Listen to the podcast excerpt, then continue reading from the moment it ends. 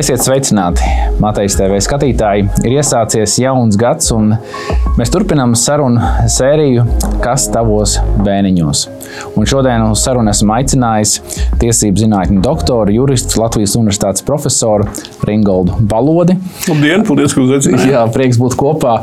Un mēs caur šīm sarunām gribam risināt uh, savu veidu baznīcas un valsts attiecības tādu miedarbību. Jo nevar noliekt, ka tagad vairāk kā nekad atjaunotās brīvās Latvijas laikā baznīcas un kristieši ir nonākuši tādā, kā teikt, uzskatu krustugunīs.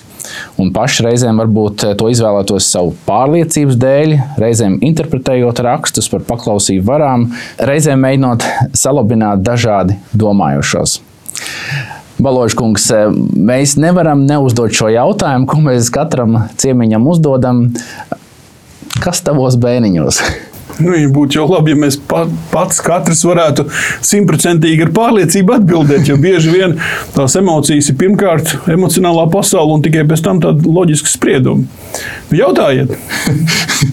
Kas tad ir jūsu bērniņos?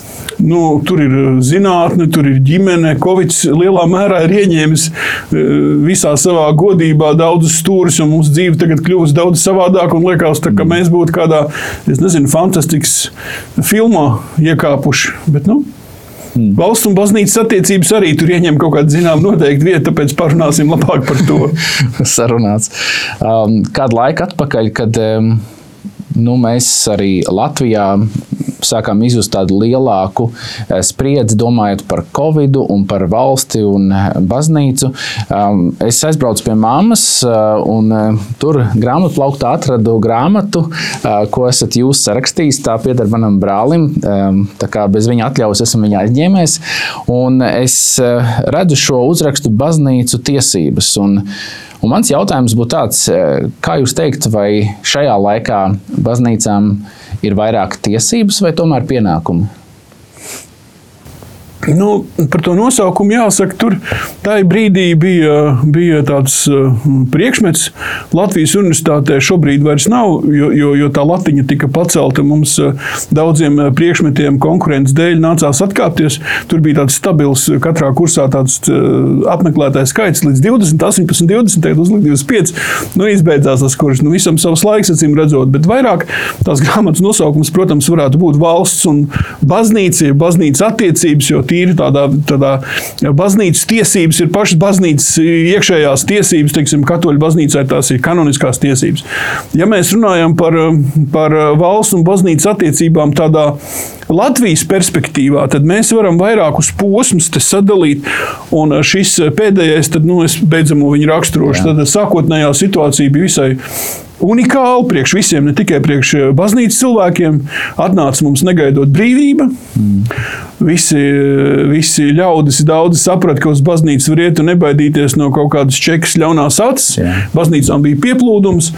Un arī uh, valsts pusē bija tāda, tāda eifórija, es teiktu, jo likumā, uh, ko pieņēma 1990. gadā, un tur jāatzīmē, tur vesela virkni likumu, nu, pieņēma, kurus vēlāk mainīja. Nu, viņi nebija nekādi, jo nu, tā izpratne bija ļoti padomiska. Jā. Tur gan arotbiedrība likuma, un tā skaitā arī par reliģiskām organizācijām. Tur paredzēja, ka pat arotbiedrības var būt no, no, no garīdzniekiem un no, no, no, no, no baznīcēniem, kas, protams, ir nu, tāda nu, neloģiska lieta. Tā ir baznīca iekšējā lieta. Un tas pirmais posms saistījās ar baznīcas īpašumu eh, atgriešanu.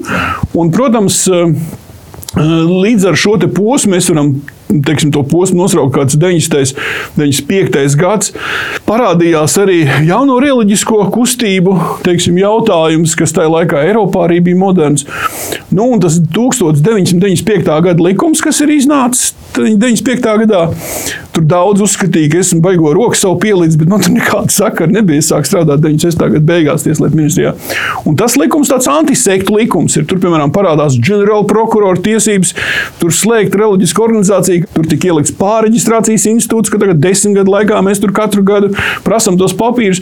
Un, protams, paralēli visam tam arī tas jautājums caurvījās par uh, īpašumu atdošanu. Un tāpēc teiksim, tur parādījās arī princips, kur es arī pats vēlāk domāju, nu, ka tas nav gluži labs, ka vienā konfesijā vienai baznīcai jābūt. Tā valsts strikti nosaka. Nu, valstī kāda tur būtu daļa, bet viņi strikti noteica.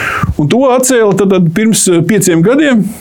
Nu jau gandrīz pirms pieciem gadiem, 2018. gada satversmes tiesas spriedums. Mm. Nu, lūk, tas pirmais posms bija šāds. Jā. Baznīca reģistrējās, atguva savus īpašumus, un uh, tas, uh, tas nākamais posms, kurā es iekļuvu un sāku strādāt, uh, arī, protams, absolūts nejaušības, jeb likumsakarības dēļ, jo, zin, tā jau nevar teikt, ka viss dzīvē notiek nejauši, laikam, gan jau ir kaut kāda loģika tam visam no augšas. Un es sāku strādāt 96. gada beigās, un mana, ma, manas pieredzes laikā bija nepieciešama nepieciešams eh, tiesības harmonizēt, lai varētu doties Eiropas Savienībā. Tur Tieslietu ministrijā apspriedz neskaitāms rīkoja, ko tad mums tagad jāmaina kāds simts likumu, lai tie atbilst Eiropas standartiem. Un es faktiski līdz ar to Kad mēs nokļuvām Eiropas Savienībā 2003. gadā, notika referendums. Es arī tajā laikā eh, beidzu strādāt eh, kā Tieslietu ministrijas reliģisko lietu pārvaldes priekšnieks. Un šis posms bez šaubām bija ārkārtīgi dinamisks, interesants. Es eh, sacīt, ļoti biju spiests tā, tās lielās intensivitātes dēļ arī iedziļināties baznīcas jautājumos. Un, un teiksim, šeit, šajā posmā, es varu atzīmēt pirmām kārtām katoļu, Romas katoļu baznīcas vēlmi slēgt ar Latviju konkordātu. Nu, tā ir parasta Romas katoļu baznīcas politika ne tikai Latvijā, visās pasaules valstīs. Un, protams, šis solis tika uzņemts teiksim, tā, ļoti politikorekti, neviennozīmīgi arī no Baptistu Savienības. Tur rakstīts, cik protestu vēstules, nu, kas tagad notiks. Pilnīgs ārprāts, katoļiem būs līgums. Un valsts, lai nomierinātu, spēja citu soli, apsolīja visiem tos līgumus. Mhm. Nu, tad, tad faktiski tajā laikā es saskāros gan ar tradicionālo baznīcu šo te, uh, mierināšanas pienākumu, un arī, arī, arī, arī teiksim, mē, mēģinājumu veidot šos, šo normatīvo bāzi viņiem tieši, un, un Romas katoļu baznīcas līgumu ar Svēto krāslu, mm. ja, kurš tad tika, tika, tika noslēgts. Tur arī vesels stāsts apakšā, bet nu, jārunā par to posmu, jā. un pēc tam attiecīgi.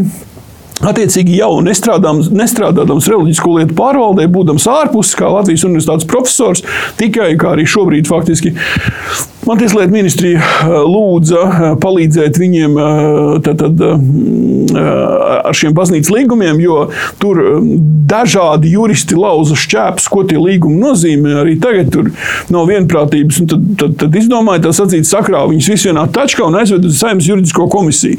Nolika Marekam Segliņam priekšā un darīja kaut ko. Nu, tad man vajadzētu ar, ar viņu, ar Tieslietu ministriju, tad, kārtot šo jautājumu un, un gala rezultātā virknei tātad, šo tradicionālo tradicionālo baznīcu tika pieņemti speciāli likumi. Mhm. Tad arī tā skaitā Baptistu draugu savienībai, arī Lutāņiem, pareizzīgiem ebrejiem, vecimniekiem un pārējiem. Nu, Tālāk tas posms, un tad, protams, strādājot jau kā uzņēmuma reģistrā, kā galvenais valsts notārs, es principā inicēju un arī ar baznīcām pārunāju par reliģisko lietu pārvaldes likvidēšanu, jo viņai liela nozīme nebija. Tā bija tāda vāja, nīkuļojoša iestāde. Un sākās jauns posms, kurā mēs tagad esam, ka faktiski nu, uzņēmumu vai baznīcu var reģistrēt arī no attālināti. Tas nav tikai Covid dēļ, tas ir tāpēc, ka uzņēmuma reģistram šīs opcijas jau bija šī elektroniskā reģistrācija. Un, attiecīgi, bez jebkādām tādām pārbaudēm, tikai uz godu vārdu. Un, kā, kā posmu, tad, tad vēl, vēl punktu pielika 2018. gada satversmes tiesas spriedums, par ko es arī minēju. Tas nu, būtu plašāk, garāk jāskaidro, bet tā, tas īsais teksts atzina par satversmē neatbilstošiem to principu vienā konfesijā, viena baznīca, un arī izbeidz šo pārreģistrāciju. Un, un faktiski pašreizējā brīdī mēs esam tādā galējā fonā, ka nepieskat ne, neviens neko, viss notiek savā gaidā. Ja mēs runājam par, par nu, tādu nepieciešamību sekot līdzi, nu, nu, jā, nu, ļoti daudz kam valstī jāseko līdzi, jā, teiksim, ne tikai teiksim, baznīcām, bet arī ielu, ielu huli, huligāniem, žūpām, varbūt tās, varbūt tās arī daudz kam citam. Un, protams, ja mēs runājam par kaut kādām pretvalstiskām darbībām un tādām, nu, tam jau mums policijaskās iestādes, un cik viņas spēj, nu, tik viņas arī skatās. Bet, nu, tā godīgi, es domāju, baznīcām neviens neskatās šobrīd līdzi, neviens nesako. Nav arī uh, ombuda uh, kā tāda, kas bija. Bet es domāju, ka šobrīd jau baznīcas ir tā sacīt attīstījušās tik tālu, integrējušās sabiedrībā tik tālu, ka viņam, viņam ir jāspēj pašam uh, lielā mērā iespēju robežās kaut kā lobēt savus jautājumus, kaut kā risināt, kaut kā apvienoties, spēt spēt savā starpā runāt. Es domāju, ka ekumeniskie jautājumi Latvijā nu, ir tā, tā diezgan, diezgan daudz baznīcas spējas sarunāties savā starpā. Un, un, un Igaunijā ir speciāli tāds veidojums, tāda tā, tā savienība ekumeniski. Es domāju, ka tā ir laba lieta, mums tāda nav. Bet valstī kā tādai nu, nevajadzētu jaukties šīs lietās iekšā, jo, jo satversmes 99. pāns. Es viņš tagad sāku stāstīt, beigās es, es, es, tas nav nodoms man noraut kaut kā. Vienkārši jūs atvērāt slūžu, sen pat to neesmu runājis. Tas atversmes 99. pants, viņš ir eh, interesants ar to, ka tā, tā, tas pirmais teikums, tā reliģijas brīvības, tā proklamācija, ja, nu, viņš visā pasaulē demokrātiskām valstīm ir, pat ja tur nemin satversmē, tā ir Eiropas cilvēktiesība pamatdarība aizsardzības konvencijas 9. pants, pirmā daļa, nu, būtībā, nu, nu, tas ir dabisks, demokrātisks valsts elements, kad ir reliģijas brīvība. Jā. Tā otrā daļa, nu, tā ir tā interesantā daļa, ka, ka, ka tur tas teikums, ka valsts no baznīcas ir atdalīta. Mm. Tagadējais Latvijas valsts prezidents Egīls Levits tolaik bija tiesnesis, kad 1998. gadā diskutēja par šo satversmes normu. Viņš, es viņam piekrītu, viņš, viņš toreiz teica, ka vispār viņu nevajag. Jo, nu, nu, tas ir, nu, nevar, nevar definēt stāvokli, kas ir mainīgs. Ja? Un šī gadījumā teiksim, tas tā ir, jo, jo varam noformulēt teiksim, teiksim, tā strikta atdalīšana, tāda mērena atdalīšana. Nu, nu, tā strikta atdalīšana ir Amerikas Savienotās valsts, ne, kur nekādā veidā nevar teiksim, baznīca tikt atbalstīta un, un, un, un subsidēta un, un, un, un tam līdzīgi. Vai Francija, piemēram. Ja, tas, tas, tas otrs gals atkal tur kā nu kurā valstī ir izplūdes. Tāpēc es arī, es arī domāju, ka daudz atbilstošāks teiksim, Latvijai būtu tāds igauņu formulējums konstitūcijas, atkal tī igauņu visu laiku jāpiemina, bet nu, tas ir skandināvu modelis, ka nav valsts baznīcas. Ja. Jā.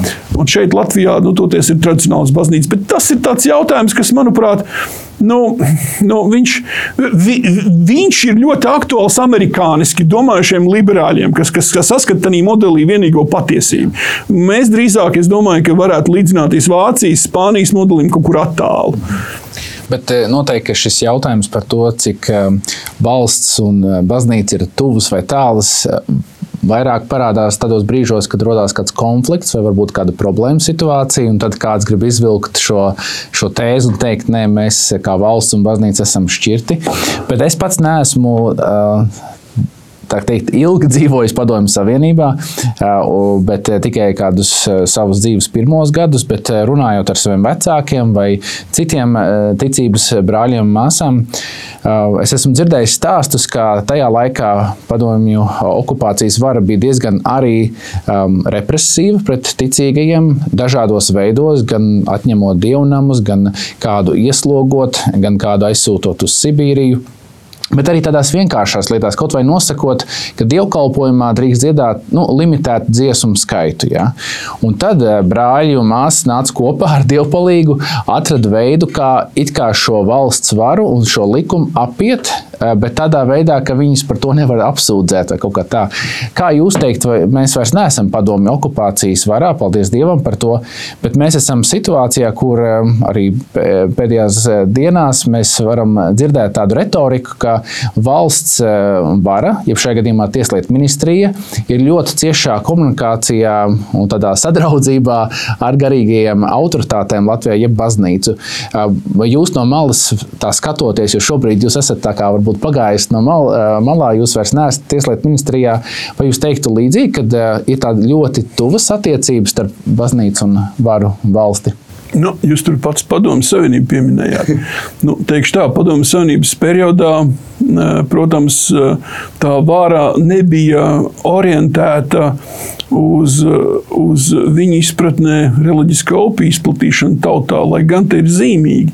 Tad, kad padomju savienības sabruka, tā nomenklatūra ļoti dažādi uzvedās. Tā komunistiskā nomenklatūra. Mēs redzam, ka Krievijā viņi ir ciešā sazobē ar pareizcīgo baznīcu, un, protams, aiz visas tā fona arī nauda tiek taisīta, bet naudu tur var taisīt arī aiz Afganistāna veterānu biedrības. Latvijā būtībā Es tur tādu, nu jā, nu te bija, teiksim, Mērsagā man arī rāda, bija tur kolhozes priekšētāja Kromiņa sieva vaktē pie baznīcas baptistu, kas tur iet iekšā. Vēlāk pati kļuva par vienu no lielākām baznīcām, tad apmeklētājām. Nu, nu, te, te, te kā, nu kurā vietā, bet ja mēs runājam par to valsts un baznīcas attiecību modeli, tas, ka tieslietu ministrija komunicē, es arī nesen vienā raidījumā izteicu, ka, manuprāt, jau nav labi, ka tai tieslietu ministrijai vēsturiski tā funkcija palikusi, zem tieslietu ministrijas ir tas pats satversmes aizsardzības birojas darbojas cietumi uh, un vēl tiesas. Ne, nu, tas tā labi neizklausās. Manuprāt, varētu būt zem kultūras ministrijas vai zem izglītības ministrijas. Jā. Tas klerks no, no ministrijas jau dikti nepiekrīt tam. Nu, es domāju, ka pēc, pēc būtības viss atkarījās no tās formas, kāda ir. Jo tā tieslietu ministrija bija uh, reliģisko lietu pārvalde, pirms tam bija departaments. Ja? Un tur tā saikne, kāpēc tā vēsturiski ir. Ja mēs runājam par šo situāciju, te lielā mērā, protams, ir atkarīgs no mūsu valsts vīriem, valsts sievām, kas ir pie amata. Protams, arī tiesas loma ir nozīmīga, bet jebkurā gadījumā arī pašas baznīcas reakcija Es nedomāju tādu pozu, bet tieši reakcija ir, ir ļoti svarīga. Jo nu, es, es, es vienkārši zinu, tādīs notikumos savā laikā Baptistu tas viedoklis, kāpēc tiem katoļiem tas konkordāts lielā mērā sekmē, neizšķīra, bet sekmē, kad nu, solītos līgumus un tam līdzīgi. Šī gadījumā, nu, ja mēs runājam par, par, par Latviju, tad šeit nu, ietekme uz politiķiem drīzāk ir tam, um, ka, piemēram, teiksim, uh, Rīgas vēlēšana apgabalā uh, balso ārzemju latvieši, kuri ir liberāli. Tur drīzāk tā sāls nevis kāda pārdomās, kāds mums ir valsts un baznīcas attiecību modelis. Tur ir ļoti cīniski, pragmatiski, vienkārši. Ja mēs runājam par lielo politiku, teiksim, šeit arī uz tā uzrāvās būtībā Latvijas Lutriskā baznīca vēloties grozīt savu Lutāņu baznīcas likumu. Ja? Jo tur pirms vēlēšanām vairāk domāja par to, tā, cik mums balss būs tur, tik turā. Jā. Tie ir ārzemju latvieši, viņi ir liberāli, nu tad labāk tiem Lutāņiem tā kā, tā kā, tā kā nē. Ja?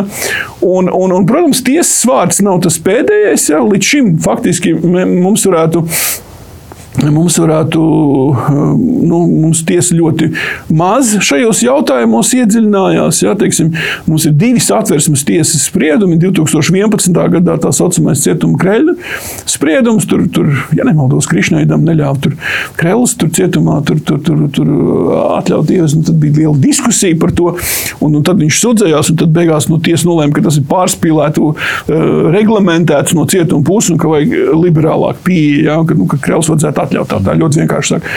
Nu, tas 2018. gada spriedums ir sarežģītāks, protams. Ja. Bet, bet faktiski tiesa līdz šim nav tā, nav tā ļoti skaidrojusi valsts un baznīcas atdalītības momentu. Ja mēs runājam par normatīvo bāzi, nu, es domāju, tas ir reliģiskā organizācija likums. Nu, kā lai pasakā par likumiem? Nu, nu, satversmes arī vecs, bet, nu, ja runā par grozīšanu, nu, tas var būt vēl sliktāk, ka pagrozīt. Tas likums, nu, viņš tāds, nu, kāds nu, viņš ir. Nu, pieņēma toreiz, kā es saku, tur bija tas uh, sektu jautājums. Uh, Eiropā arī vītaroja Latvijā. Un, un, un, un, un vēlme tās lielās baznīcas pasargāt denacionalizācijas procesā. Nu, viņš nedomāja, ka viņš ir dižs labs, bet arī nu, viņš nav tāds sliktākais, kas nevarētu pastāvēt. Nu, un, tur parādās garīgo lietu padome.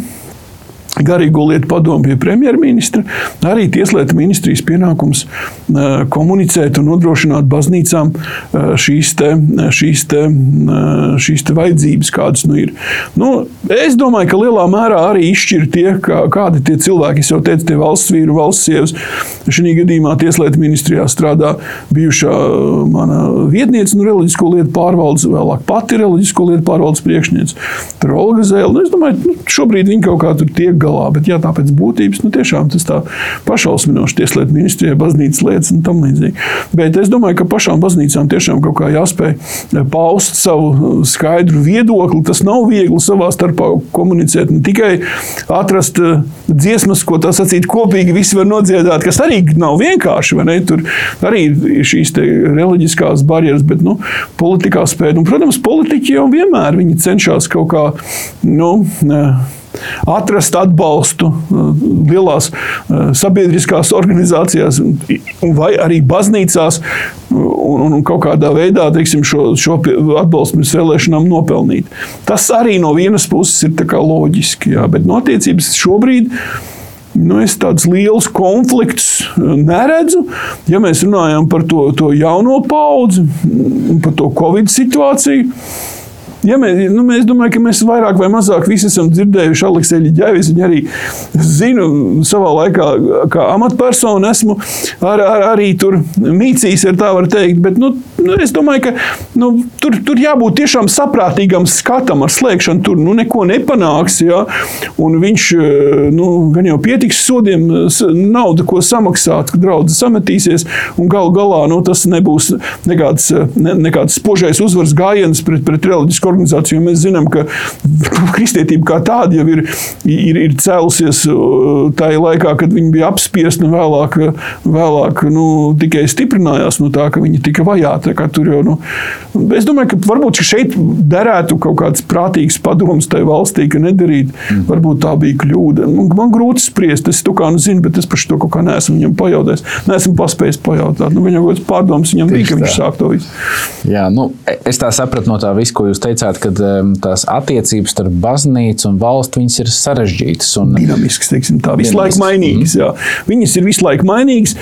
Nu, ir sava nozīme eh, gan tam fonam, es domāju, iedzīvotāji. Jā fonam, kāds ir attiecīgā valstī. Bez šaubām, teiksim, Lietuvā viņš ir katolicisks vairāk visā visumā, bet, bet nu, laiki mainās. Tā baznīca no, no tādas primārās valsts organizācijas aiziet otrā, trešā, ceturtā plānā. Un, bet, bet atkal, ja tā paskatās, nu, mūsdienu pasaulē liela ietekme ir minoritātēm. Un šī gadījumā arī reliģiskās organizācijas, ja tā var teikt, ir tādas ne, nu, samērā nu, neplašas plašs eh, ļaužu kops. Nu, es negribētu tagad apzīmēt tradicionālās baznīcas par minoritātēm, tas būtu nepareizi. Bet tajā pašā laikā tās ir organizētas lielā mērā eh, ļaužu grupas, kas nav ļoti, ļoti plašas. Plašas viņi kļūst svētkos, varbūt tās eh, reliģiskos, kas arī varētu, varētu organizēt, censties panākt kaut kādas savas idejas, arī likumdošanas procesā. Un, un, un, un, un es domāju, ka nu, tas, tas izpaliek mūsu, mūsu, mūsu dzīvēs. Es tā īpaši neredzu nu, tā, ka baznīca tiešām kaut ko pārdomātu katrs par sevi. Nu, laikam jau tad labi ir, nu, ka nevajag kaut kā organizēties un, un pret valsti stāties pārdomātā politikā. Jā. Jo valsts jau nedomā garā termiņā. Ja jūs paskatāties, teiksim, bieži vien teiksim, jautājums, nu, kā nolēma uz pāris gadiem, jūs pavērojat, tas, nu, tas, tas, tas teiksim, ja, ja teiksim, kāds nolēma, ka līdz 2023. gadam tas un tas ir jāizdara, nu, bet tā taču ir nākamā sājuma. Pēc tam varēs pateikt, nu, ko mēs varējām darīt? Nu, mēs, jau, mēs jau labprāt, nu, ja man būtu filma, es jau labprāt vienā reklāmā ar jums padalītos, bet man jau viņa nav. Un tāpēc valsts ir nu, četru, četru gadu griezums, tas ir daudz priekš valsts, jā, teiksim, bet baznīcai tā taču ir mūžība būtībā. Tas ir ļoti ilgtermiņa skatījums. Tāpēc tā valsts un baznīcas politika nevar neatšķirties. Un tā konfrontācija, ja mēs runājam par sekulāro liberālo sabiedrību, viņa neizbēgama. Bet, bet, bet bija viena tendence, kas, kas tā kā Es neesmu tik viņi analizējis musulmaņu eh, faktorus. Musulmaņu faktoru dēļ Eiropā arī tur pārskatīja eh, vairākās valstīs jautājumu par eh, reliģisko zaimošanu, tādām lietām. Un tas liberālisms tomēr tā kā, tā kā ieturētāks nu, pierāvies kļuva. Pašreizajā brīdī to Covid viss sajaucies. Bet, bet arī, ja mēs paskatāmies normatīviem aktiem no krimināla likuma, 150. pāns par reliģisko zaimošanu izmests ārā tikai tā, kā pagātnes paliek. Tā kā, ja mēs šodien runātu par satversmes varbūt veidošana, varbūt pat nebūtu 99. panta. Nu, tad tam baznīcām krāpēties. Nu, nu, nu, vienkārši privātās dzīves eh, tiesības eh, un, un, un viss. Nu. Mēs par satversmi vēl parunāsim, bet es gribēju nocitēt eh, kādus teikumus, ko jūs rakstījāt apmēram 20 gadus atpakaļ eh, šajā grāmatā Baznīcas tiesības. Tur rakstīts, negribu runāt par reliģijas proponēto pasaules galu, tomēr jāatzīst, ka modernā pasaule lēnām, taču neatvairām tuvinās globālām pārmaiņām. Acīm redzam, mainās ģimenes izpratne, ko baznīca cenšas stiprināt ar reliģiju mainās starp valstu attiecības. To visu var dēvēt par globalizāciju. Ar ko tā beigsies, nezinu, neviens. Tomēr ir skaidrs, ka pasaule mainās. Šodien, pēc 20 gadiem, Jūs eh, varat pateikt, kā pasaule ir izmainījusies? Nu, tas, ko es tur teicu, vēl maigi bija teikts īstenībā, bet, nu, ja, ja mēs tā paskatāmies, nu, redzēt tā, tā pārmaiņa, eh, piemēram, tehnikas IT jomas fenomens, nu, viņu mēs vēl līdz galam šobrīd pat nevaram īsti izprast. Mm. Jo, ja mēs paskatāmies uz tiem procesiem, kas ir ietekmējuši cilvēks, teiksim, kas ir ietekmējis feminismu, kaut kāda idejas, pasaules uzskatu, nu, te ir arī viedoklis, ka veļas mašīna, ja, bērniem bumpers, izgudrošana, tas viss ir sekmējis to, ka sieviete var justies vairāk kā cilvēks. Tīri, tīri praktiski. Ja. ja mēs runājam par, par pasaules attīstību, tad ļoti lielā mērā, protams, ietekmēja protestantisms bez šaubām. Ja. Katoļu baznīcas smagā roka tika pavilkta malā, uzplauka bankas, eh, drukājumā mašīna, grāmatu, iespiedu mašīna tika palaista vaļā. Nu, tad ir jautājums, jā, tās pirmās grāmatas bija Bībeles. Ja? Eh, bet vēlāk tas jau kļuva apgaismības idejas un tam līdzīgas lietas. Tā, kā, tā tehnikas attīstība ļoti ietekmē. Eh, to var nosaukt arī par progresu. Ja, ja mēs paskatāmies pašreizējā brīdī, daudzas lietas ir kļuvušas būtībā nu, nevadāmas no valsts puses, eh, gan drošības jautājumos saistībā ar tādu privātu kompāniju ierīci, kaut vai kā Facebook. Ja. Nu, tas Facebook, ja viņš būtu piemēram nu, gadus 120 eh, atpakaļ, tad, kad anarchisti pa vienam plosījās, viņi, viņi pēc būtības nav sociāli būtnes. Nu, anarchists viņš, viņš viens tur bieži vien bija tie, tie sprādzieni, neefektīvi tie atentāti, jā, kaut kur atrauti. Ja viņiem būtu Facebook, viņi būtu organizējuši vienu vien, vien organizētu pasākumu jūku, lai, lai gan, teiksim, pēc tam jau nāca bolševiki un tam līdzīgi. Un šeit, ja mēs runājam par to tehnikas attīstību, viņš, viņš ietekmē visu, sākot no cilvēciskajām attiecībām, beidzot ar, ar teiksim, piemēram, nu, valdības likumdošana, kas ir diezgan detalizēti atrunāta satversmes trešā nodaļā kā veidojās valdības agrāk. Teiksim, piemēram, nu, Jānis Čakste, nu, vēsturnieki tur, tur ir skatījušies un sprieduši. Jānis Čakste, mūsu pirmais prezidents, viņš sēdēja pilī, pie viņam atnāk un stāsta, ka ir vairākums, ir 55 balsis. Viņš saka, točna vai ir jā, mums ir, ja? tad nāk mājās, tad satversmi vēl veidot tur vēlāk eh, sarakstās, kamēr atsūta, ka tas viss notiek tādā ātrumā, tādā ātrumā, kad, eh, kad, eh, kad nu, jau vairs, tas vairs nav pat telefons tādā ātrumā, piemēram, tie ir WhatsApp grupas un tam līdzīgi. Te, te, kā te bija nesenais gadījums ar to Zviedrijas eh, premjerministru? Viņa pēc pāris stundām atkāpās. Ja? Tas tā jau ir tehnika, kas, kas to visu pātrina. Respektīvi, pasaule kustās ātrāk, viss notiek ātrāk, vai tas ir labāk, es dziļi apšaubu. Ja? Jo, jo, jo tas ir pilnīgi pretējs process, nekā cilvēki vairs netiek līdz tam ātrumam, un beig, beigās kas vada šo ātrumu. Tas ir ziņā, viņš pats no sevis rīt uz priekšu tik ātri, tas jau nav labi. Tā kā šie procesi, viņi šobrīd arī visādā ziņā, viņi sāk ritēt paši par sevi ātrāk. Nu, cilvēki jau šeit arī raugoties uz baznīcām, saka, nu, ka baznīca ir atpalikusi. Nu, vajadzētu kaut kā kļūt modernākai. Un es eh, kādās lietās noteikti nepiekrīstu, un kādās lietās varbūt varētu piekrist, jā, bet globāli eh, baznīcas vēstījums eh, cauri šiem gadsimtiem un tūk, gadu tūkstošiem nav mainījies. Varbūt mainījusies kāda forma, bet vēstījums paliks tas pats.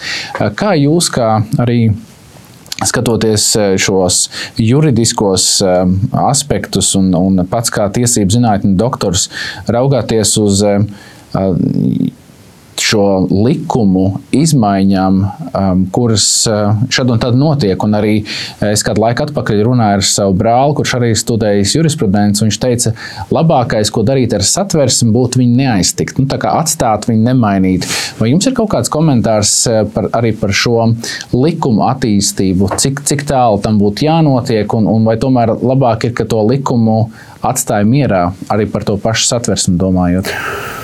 Nu, ja, mē, ja, mē, ja mēs paskatāmies, sāksim varbūt no tā jautājumu, ko jūs vēl neesat uzdevis, bet ko jūs vēlaties pa 110. panta interpretācija. Redz, te ir tas fenomens, kas notiek. Tad ir satversmes 10. pantā. Tur nu, tiešā veidā nu, var lasīt par bērnu tiesībām, par, par, par, par bērnu pienākumiem pret vecāku, vēl var ielasīt par uh, laulību kā, kā, kā savienību starp vīrieti un sievieti, ko savā laikā uh, Ainārs Šlesers arī, arī ar savu partiju panāca, ka ielaboja. Un uh, satversmes tiesa ielasīt to, nu, ko būtībā tur izlasīt nevar. Un te ir jautājums, daudzdimensiāls. Ja? Cik tālu tiesa drīkst vai nedrīkst iet politikā, jo šie procesi dažādās valstīs, ja mēs runājam par vienzimumu pāru reģistrāciju, tiek kārtoti. Piemēram, Maltā, Maltā lai spētu referendumā šo jautājumu dabūt cauri, samazināja vēlētāju, vēlētāju vecumu un atļauj, ja nemaldos, no 16 gadiem. Tā viņi vairāk referendumu par šo tēmu nesanāca, samazināja šo vēlētāju vecumu robežu un sanāca. Ja. Katrā valstī viņi savādāk.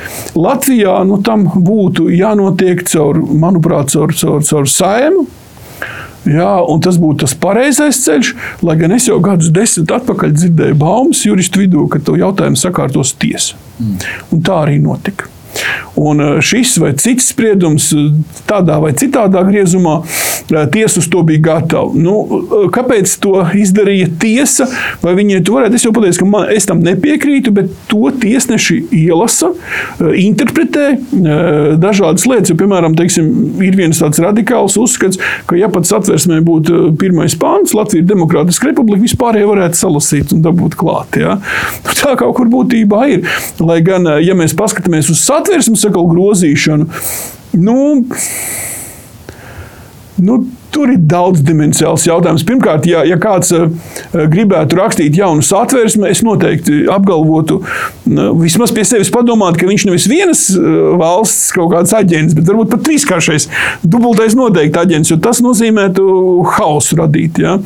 Jo labāk ir vecu likumu grozīt nekā, nekā jaunu pieņemt. To, piemēram, nu, pierāda, teiksim, mums ir valodas likums un, un, un valodas likums 1995 gadā, nu, kā to valodas likumu pieņēma padomu laikā, 89. gada laikā, tad palaboja 92. gada laikā. Nu, viņš bija nu, tāds nu, nepārāk labs, neveiksmīgi formulējums, bet tas strādāja.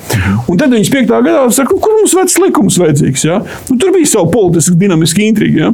Nu, tad sāka mocīties ar šo likumu. Pagāja veseli četri gadi. Rezultātā mūs, mūs izdricināja, ja tā rupja var izteikties, teiksim, gan startautiskās struktūras, gan augstais komisārs ja? no, no, no, no, no, no ECO. Jā, nu, tur visi un beigās paliks situācija vēl sliktāka. Nu, jā, mums ir jaunāk, mūsdienīgāk formulējumi, mums ir jauns likums, bet tā situācija ir sliktāka. Respektīvi, es tam brāļa, tam, tam teiktajam, eh, saskatu dziļu jēgu.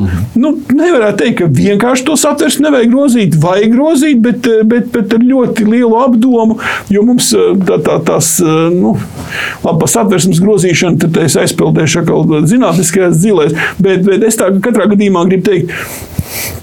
Likumi ir jāgroza, bet ļoti apdomīgi. Un, protams, teiksim, tā problēma nu, šobrīd, kāda ir no valsts puses, ka viņa ieklausās baznīcās tad, kad viņi to vēlās. Mhm. Tas nav tāds priekšnosacījums. Ja, teiksim, pareiztīgo baznīcas likums tika grozīts, tāpēc, ka valstī bija izdevīgi. Tur ir, tur ir, tur ir jautājums par arhibīskapa pēcteča pilsonību. Ja.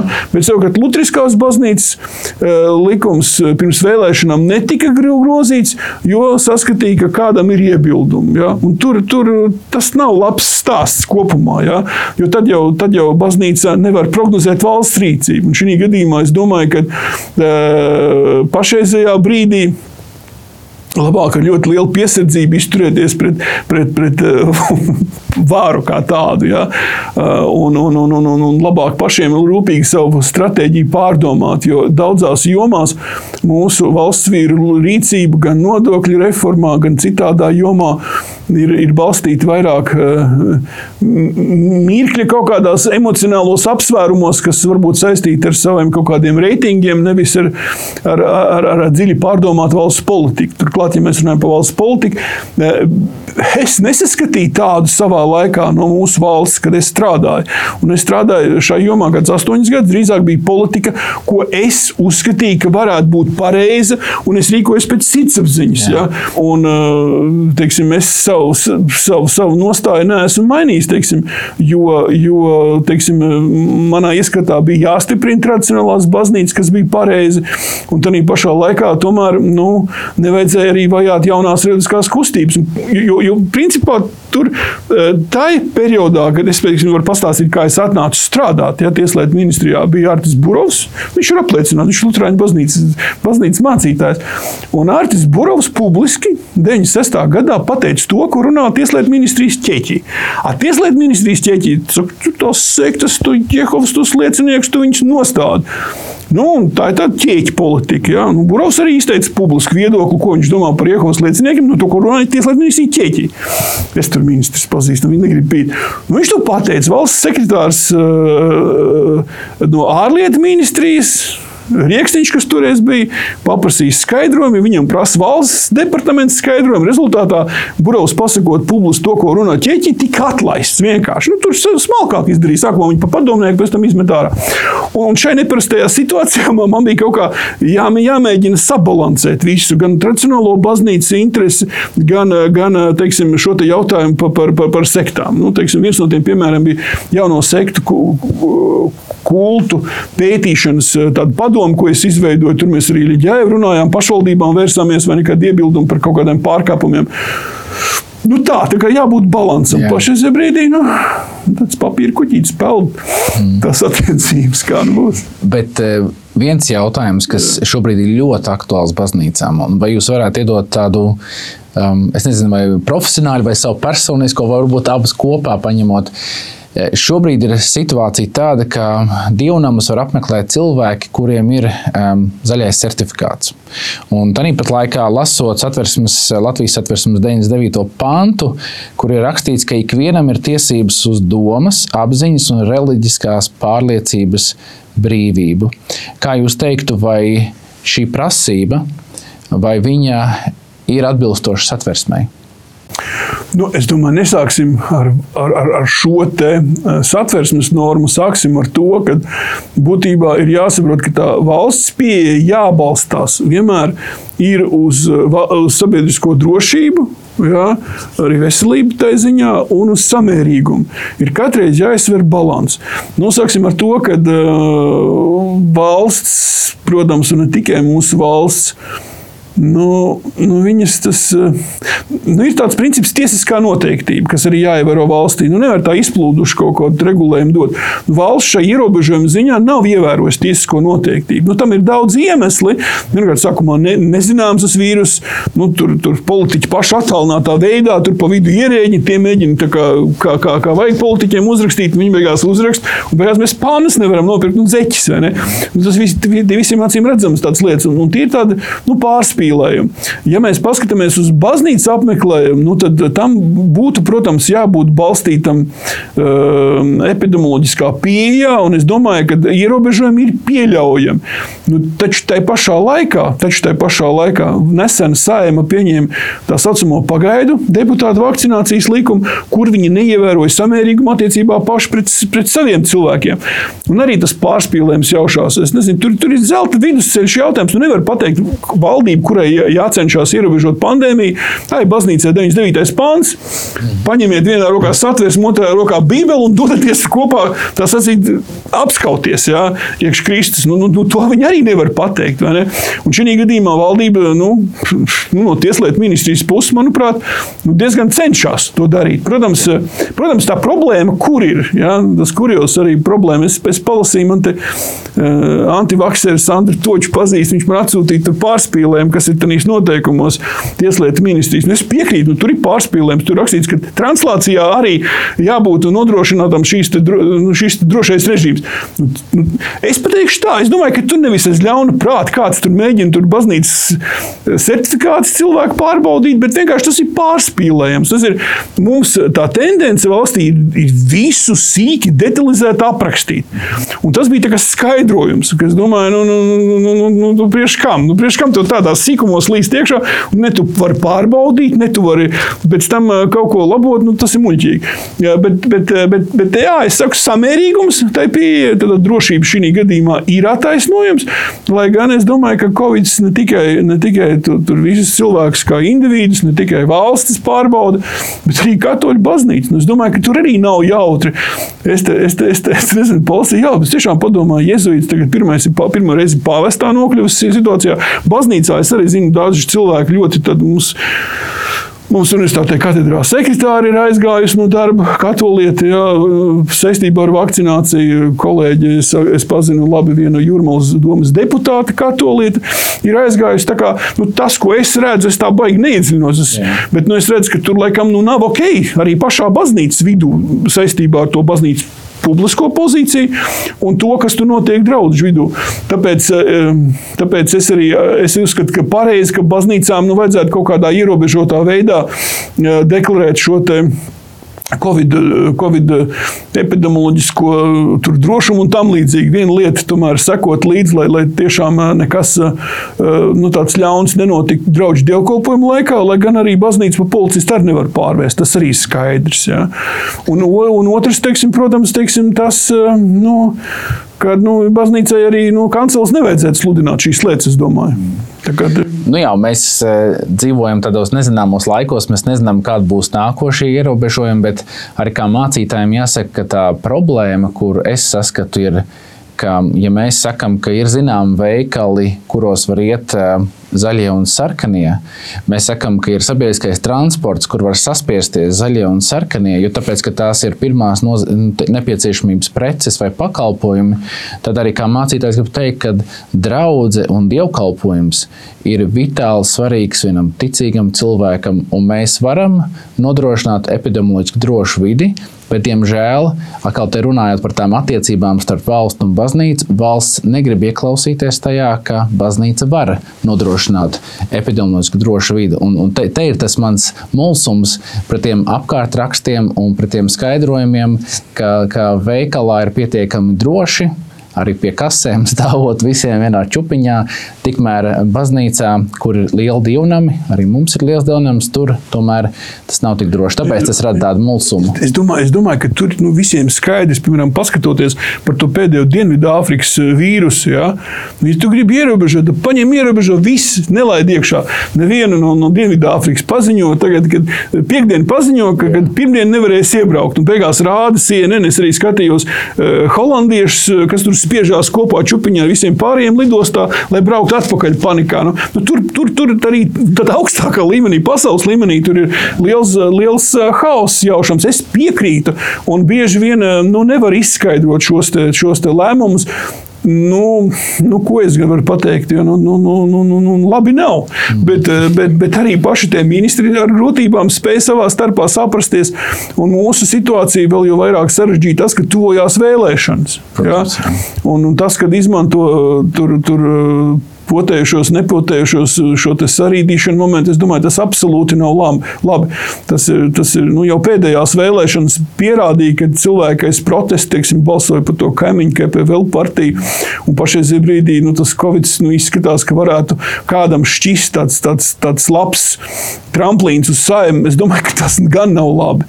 Uh, bet bet uh, nu, es, varu tikai, es varu tikai piekrist, ka tā tas ir. Un ka tie noteikumi, protams, nu, vēlot labu, pārāk detalizētu pilsēta regulācija nekad nemēdz būt laba. Tur jau Katrīna pirmā Krievijas imperatora Trīs pateica, viņi saka, jau uz katru sīkumu rakstīs instrukciju, taču trakam jāpaliek. Nu, tā arī ir. Nu, mūsu valstī tur ļoti pieraduši visu aprakstīt un pēc tam sarežģīt. Nu, kaut kāda tāda nelāga tendencija jaušam.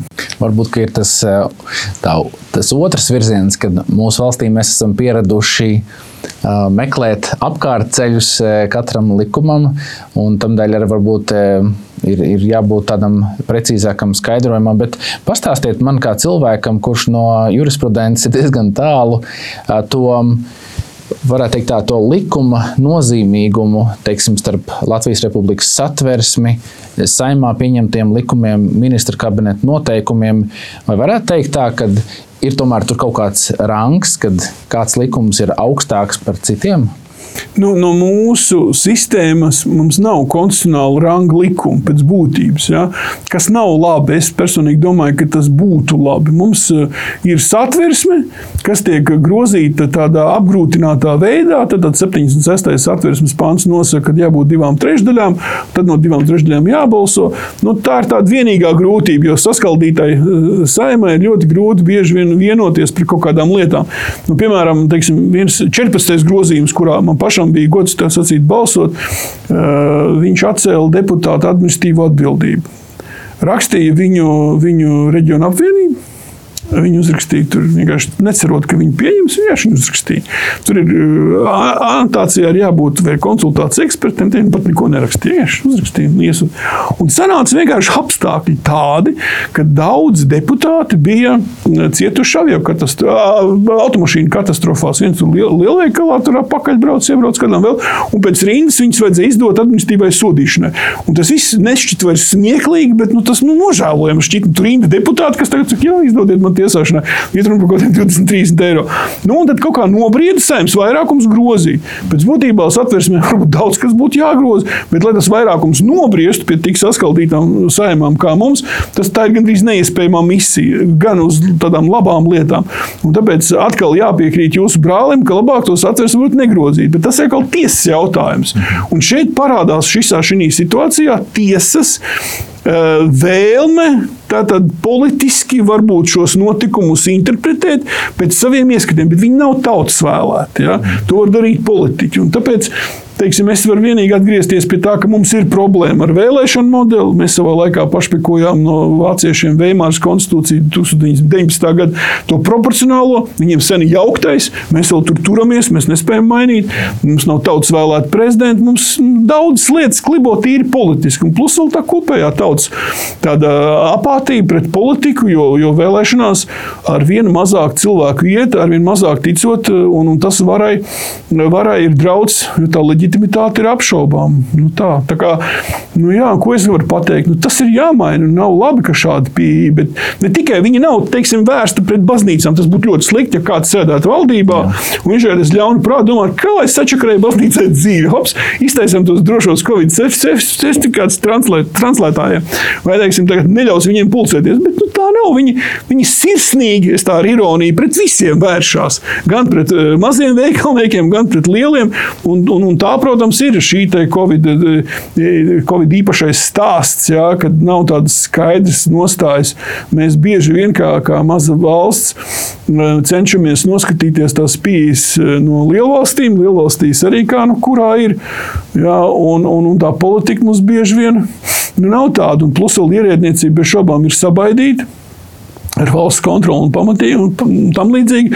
Katra iniciatīva būtībā beigās, ja kāds ierēdnis ir uzņēmies iniciatīvu, nu, netiek slavēta, maigi sakot, tā, kā, tā, tā sistēma un, un, un nav jau arī civildienas. Šeit ir vesela virkne problēmu, kur, ticiet man, baznīca nav galvenais mērķis, kurai ir sarežģīta dzīve. Viņi vienkārši nu, visiem ir grūti. Mēs eh, šajā raidījumā esam runājuši par baznīcu un par valsti. Un es gribu noslēgt ar tādu jautājumu, kuru um, kuru ievadā viņš nāk no Bībeles. Un proti, Bībelē mēs lasām kādu situāciju, kur Jēzuma kāda baznīcas vadītāja pārmet par to, ka viņš ir darījis kādus labus darbus sabatā, kas bija viens no likumiem, ka tu sabatā nedari praktiski neko. Jā. Un, eh, viņš atbildēja tādu interesantu frāzi. Viņš teica, ka ne jau eh, cilvēks ir radīts sabata dēļ, bet eh, sabats ir radīts cilvēka dēļ. Skaisti vārdi, protams. Te, te mēs droši vien varam teikt, uh, amen. Jā. Un tad tas jautājums būtu valsti. valsti jā. Kā ir? Vai, vai, vai jūs varētu teikt līdzīgi, ka um, tie likumi, kas šobrīd mūsu valstī pastāv, ka tāds kopīgais noskaņojums ir tāds, ka tie tiešām ir domāti cilvēkam, lai viņam palīdzētu? Savā laikā Einārs Repšs nu viņš, nu viņš bija ekstraordinārs ministrs. Tāds ļoti Bet, nu, Viņš tiešām teica tādus vārdus, ko es bieži vien atkārtoju studentiem, ar zināmu tādu ironiju, bet ar lielu patiesību. Viņš, viņš beigās nonāca līdz secinājumam, un publiski pauda kā premjerministrs, ka tie likumi nav rakstīti cilvēkiem, principā. Kas no vienas puses, nu kā, nu viņi taču ir, viņi, viņi, viņi, viņi rakstīja cilvēkiem. Nu jā, šeit. Uh, Šeit es varu teikt, ka atkal atgriezties pie tā, ka mūsu pasaulē, pie vispārējā politiskā tāda, tādas akti, pasivitātes, ļoti aktīvas ir minoritātes. Jā, vienalga, kas tie būtu, tur galējie, labējie, tur, tur tam līdzīgi. Un, un, un, un, un, un, un, un, un tādā veidā panāk sev izdevīgas daudzas lietas. Jā, Un, un, un, protams, tai sistēmai, kāda viņa nu ir demokrātijā, viņai vajadzētu objektīvi izsvērt daudz dažādas lietas. Un, un, un, bet, nu, kā nu ir? Tāpēc, tāpēc, tāpēc es tādu īstu labu recepti nezinu, ko mēs varētu visi darīt. Nu, būt politiski aktīvāk, tas būtu baigi banāli nodrāst. To viss saka. Esiet aktīvi, ejiet politikā. Es šajā gadījumā domāju, ka te Baznīcai ir jāspēj savas intereses politiski lobēt, un bieži vien ar lielu skepsi nu, nevis tādu, tādu domu, ka kāds jums melo no valsts puses, bet tā doma, ka nu, nu, nu, tā valsts nu, viņai nav īsts baznīcas politika. Tā politika veidojās no baznīcas konfliktiem ar valsts, no baznīcas eh, attieksmes, sadarbības. Ja, bieži vien teiksim, eh, teiksim, nu, pasivitāte un, un, un nogaidīšana nav tas labākais. Ja. Teiksim, Amerikā man nācās būt eh, pie lobbystiem. Tas bija arī kāds 20 gadus atpakaļ valsts departaments tā var teikt, vienkāršiem vārdiem uzsaucis braucienu, lai, lai, lai, lai parādītu, kādas ir valsts un baznīcas attiecības uh, Amerikā. Es atbraucu, sapratu, ka tas nav priekš Latvijas. Viņam tas laikam jau arī nepatika, bet, nu labi, bet jebkurā gadījumā, teiksim, es biju pie lobbystiem kongresā, un tur, tur, tur tas, tas stāsts ir tāds, ka tur sēž lobbyistu oficiāls, ja, pa baznīcas palubē, un kādu virzienā vajag, un tam līdzīgi. Nu, nu, tas cīniskais savsais atlikums ir, ir tāds, ka vajag domāt stratēģiski, kā var ietekmēt likums sev par labu. Un, ja to nedara, nu, tad to dara cilvēki, kas varbūt nav tik ļoti iedziļinājušies valsts un baznīcas jautājumos, un nav tik labi nu, teiksim, tie, tie rezultāti baznīcai. Šeit eh, es nevis gribētu sēt neticību valsts varai, bet, bet tieši otrādi iedrošināt pašu baznīcu būt, būt prātīgākai teiksim, un, un, un domāt par, par uzlabojumiem, kādi nepieciešami. Jo vairākas baznīcas kopā tas ir efektīvāk, ja, ja spēj to izdarīt. Jā. Bet eh, katrā gadījumā, ja mēs runājam par valsts un baznīcas attiecībām, tas ir juridiski sakot, atvērts ju, juridisks jēdziens, ja, kur, kur lielā mērā no daudziem faktoriem ir atkarīgs. Balošs kungs, paldies vēlreiz par to, ka jūs atradāt laiku ierasties Matejā. Un, lai no šīs sarunas jums būtu arī kāda atmiņa. Mēs jums gribam uzdāvināt vienu krūzīti, lai tad, kad jūs dzerat kaut ko siltu, lai jūs vienmēr atceraties par šo silto laiku. Forši! Paldies jums! Paldies!